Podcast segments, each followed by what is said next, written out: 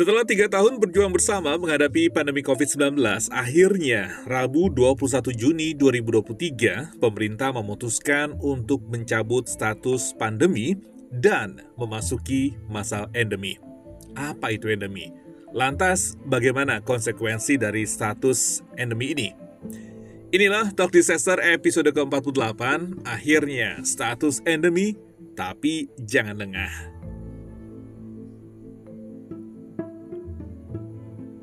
Melalui kanal YouTube Sekretariat Presiden, Presiden Joko Widodo mengumumkan bahwa pemerintah secara resmi mencabut status pandemi COVID-19 di Indonesia. Selanjutnya, Presiden menyebut bahwa mulai Rabu 21 Juni 2023, Indonesia dinyatakan telah beralih dari masa pandemi menjadi endemi. Menurut Presiden, keputusan tersebut diambil setelah mempertimbangkan beberapa hal antara lain. Angka konfirmasi harian kasus COVID-19 di Indonesia mendekati nihil. Kemudian, Presiden menjelaskan hasil serosurvei yang telah dilakukan menunjukkan bahwa 99% masyarakat Indonesia sudah memiliki antibodi COVID-19. Dan yang terakhir, WHO juga telah mencabut status Public Health Emergency of International Concern. Meski Presiden uh, telah mencabut status pandemi menjadi endemi, Presiden mengimbau masyarakat untuk tetap berhati-hati dan terus menjalankan perilaku hidup sehat dan bersih. Presiden juga turut berharap keputusan tersebut dapat memberikan dampak positif bagi perkembangan ekonomi nasional.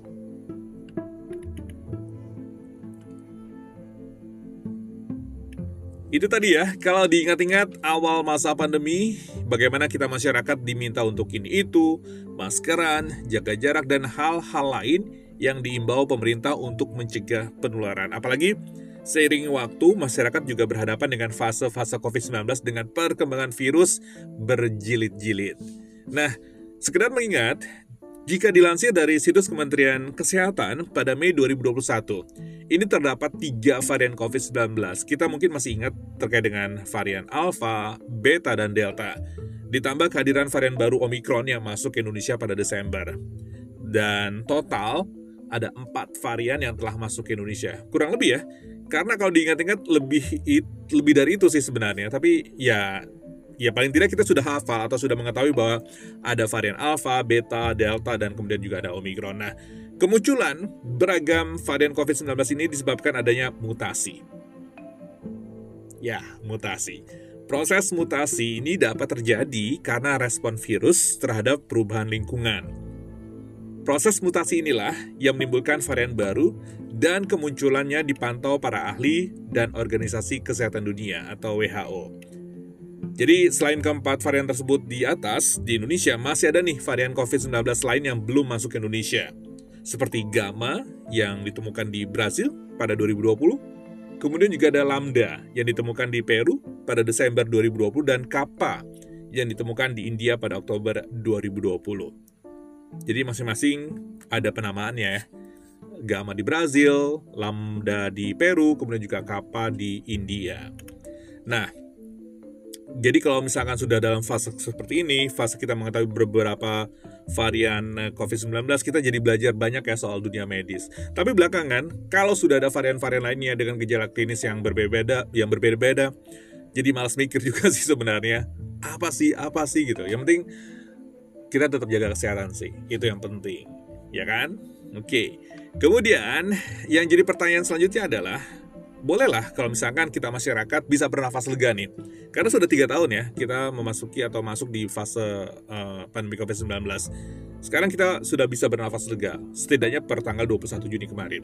Dengan status endemi yang kita, masyarakat Indonesia miliki. Tapi apakah saat fase sudah masuk ke, ke endemi, kita melupakan untuk taat protokol kesehatan yang 6M, masih ingat 6M? Menggunakan masker, mencuci tangan, menjaga jarak, mengurangi tingkat mobilitas, menjauhi makan bersama, menjauhi kerumunan, serta mengikuti vaksinasi. Masih ingat nggak dengan 6M ini? Atau mungkin juga PSBB, PPKM, itu banyak banget ya aturan-aturan dan kebijakan-kebijakan yang dikeluarkan oleh pemerintah untuk meminimalisir uh, penyebaran COVID-19. Nah, dan juga gitu kan. Apakah uh, pertanyaan yang baru saja saya sampaikan atau saya utarakan adalah apakah saat fase sudah masuk endemi kita melupakan untuk taat protokol, terutama kesehatan 6M? Nggak juga. Karena penerapan prokes di masa endemi tidak seketat, ya memang tidak seketat saat pandemi COVID-19. Karena sifat uh, prokesnya ini pada masa endemi hanya berupa imbauan mengingat COVID-19 sudah menjadi endemi. Ya, tapi Protokol yang penting dan mendasar seperti menerapkan pola hidup bersih dan sehat, memakai masker saat sakit ini tetap dianjurkan. Jadi, secara sadar nggak sadar, selama kita pakai masker, merasa nggak sih kalau dengan menggunakan masker setiap hari jarang terserang flu? Satu, itu karena memang kebiasaan baru ya dengan masker dan juga rajin mengonsumsi vitamin pada masa fase pandemi. Jadi segala sesuatu yang baik dan telah jadi kebiasaan selama masa pandemi kemarin. Sayang juga sih kalau misalkan dilepas gitu aja, apalagi kalau misalkan kita mostly dari kita tuh masker jenik. Kelihatan menarik kalau pakai masker. Oke, jadi paling tidak apakah saat fase sudah masuk endemi kita melupakan taat protokol Ya, memang sih sebenarnya penerapan uh, prokes di masa endemi tidak seketat saat pandemi COVID-19. Ingat itu, tapi protokol kesehatan yang basic aja, yang penting dan mendasar seperti menerapkan pola hidup bersih dan sehat, memakai masker saat kita sakit, ini tetap dianjurkan. Gitu. Toh presiden juga meminta masyarakat untuk tetap berhati-hati serta terus menjalankan perilaku hidup sehat dan bersih. Sayangkan investasi jangka panjang yang setelah dilakukan tiga tahun terakhir kemudian buyar hanya karena status endemi. Ingat, kita cukup perlu lama waktu yang kita butuhkan untuk membentuk sebuah kebiasaan baru menggunakan masker. Contohnya itu. Nah, merujuk Kementerian Kesehatan Republik Indonesia, endemi itu apa sih? Endemi merupakan istilah yang digunakan untuk menyebut suatu penyakit yang menyerang masyarakat. Dan penyakit ini menyerang satu daerah atau satu kelompok masyarakat tidak menyebar di seluruh wilayah. Penyakit tersebut juga dianggap biasa aja, biasa ada dan konstan terjadi di masyarakat. Dan juga sudah bisa ditangani, salah satunya dengan ketersediaan vaksin dan antibodi yang dimiliki oleh manusia. Dan merujuk pada istilah itulah kemudian kini COVID-19 yang semula dianggap penyakit yang luar biasa, kini dianggap biasa. Penyakit ini, COVID-19 memang ada di tengah masyarakat, tapi bukan penyakit yang spesial, tanda kutip, hingga harus diperlakukan berbeda. Gitu ya. Ini perubahan statusnya. Jadi COVID-19 yang dulu diperhatikan banget, sekarang udah enggak. Kenapa? Karena tadi tiga di atas ya, ya telah disebutkan oleh Presiden bahwa Angka konfirmasi harian COVID-19 mendekati nihil. Juga secara survei uh, menunjukkan bahwa 99% masyarakat Indonesia sudah memiliki antibodi COVID-19. Dan yang terakhir, WHO juga telah mencabut status Public Health Emergency of International Concern. Jadi, nggak serta-merta perubahan status dari pandemi ke endemi ini begitu aja, tapi karena ada beberapa ukuran-ukuran tertentu. Ya, contohnya tiga tadi itu, kayak gitu. Oke, kemudian um, yang menjadi pertanyaan berikutnya adalah uh, lantas bagaimana sih kebijakan-kebijakan terkait penanganan kesehatan saat COVID-19 ketika status sudah menjadi endemi? Nah, di masa endemi, ada beberapa fasilitas kesehatan yang dulunya gratis, kini berbayar, seperti vaksin dan perawatan COVID. Artinya apa? Artinya, pemerintah tidak lagi menanggung biaya penanganan pasien COVID-19 bila status pandemi sudah diganti menjadi endemi. Selain biaya perawatan yang bakal berbayar, pemberian vaksin COVID-19 yang dulunya diberikan gratis oleh pemerintah akan berganti dengan skema pelayanan normal dalam penyakit menular biasa. Gitu.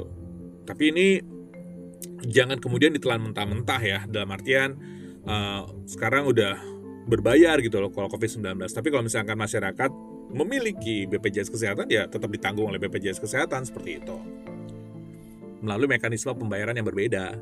Nggak lagi gratis, tapi melalui mekanisme pembayaran keanggotaan BPJS Kesehatan, seperti itu.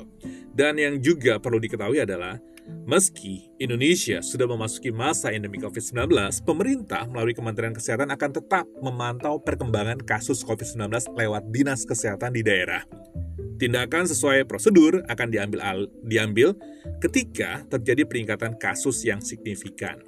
Jika diperlukan rawat inap, nih, dengar ya, jika diperlukan rawat inap, penanganan akan merujuk pada aturan Badan Penyelenggara Jaminan Sosial atau BPJS bagi peserta jaminan kesehatan nasional. Agar tetap dalam perlindungan jaminan kesehatan, masyarakat nih jangan putus membayar premi BPJS atau bentuk asuransi kesehatan lainnya. Seperti itu. Jadi mekanisme pembayarannya beda ya.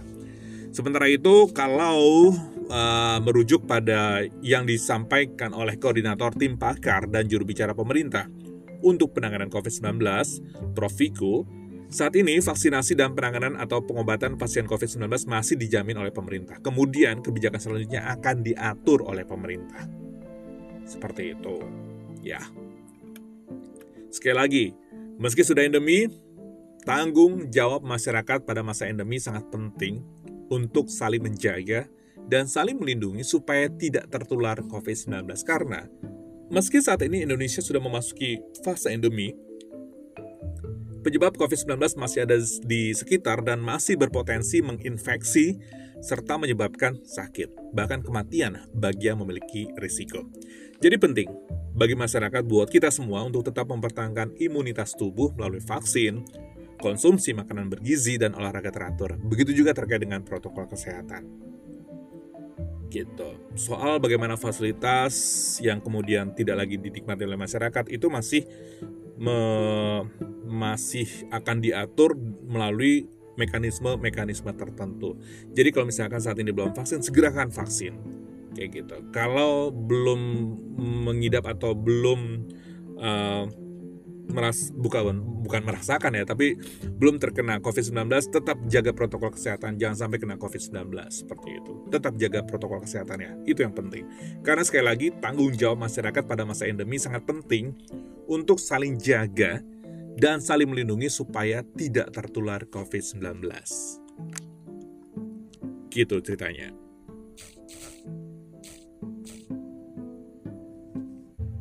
Baik, Terima kasih sudah mendengarkan episode ke-48. Akhirnya status endemi, tapi jangan lengah. Itu ya pesannya. Meskipun statusnya sudah endemi, tapi jangan lengah. Akhirnya saya Prihadi ucap terima kasih dan pamit undur diri. Kita ketemu lagi dengan topik-topik terkait kebencanaan lainnya. Sampai jumpa.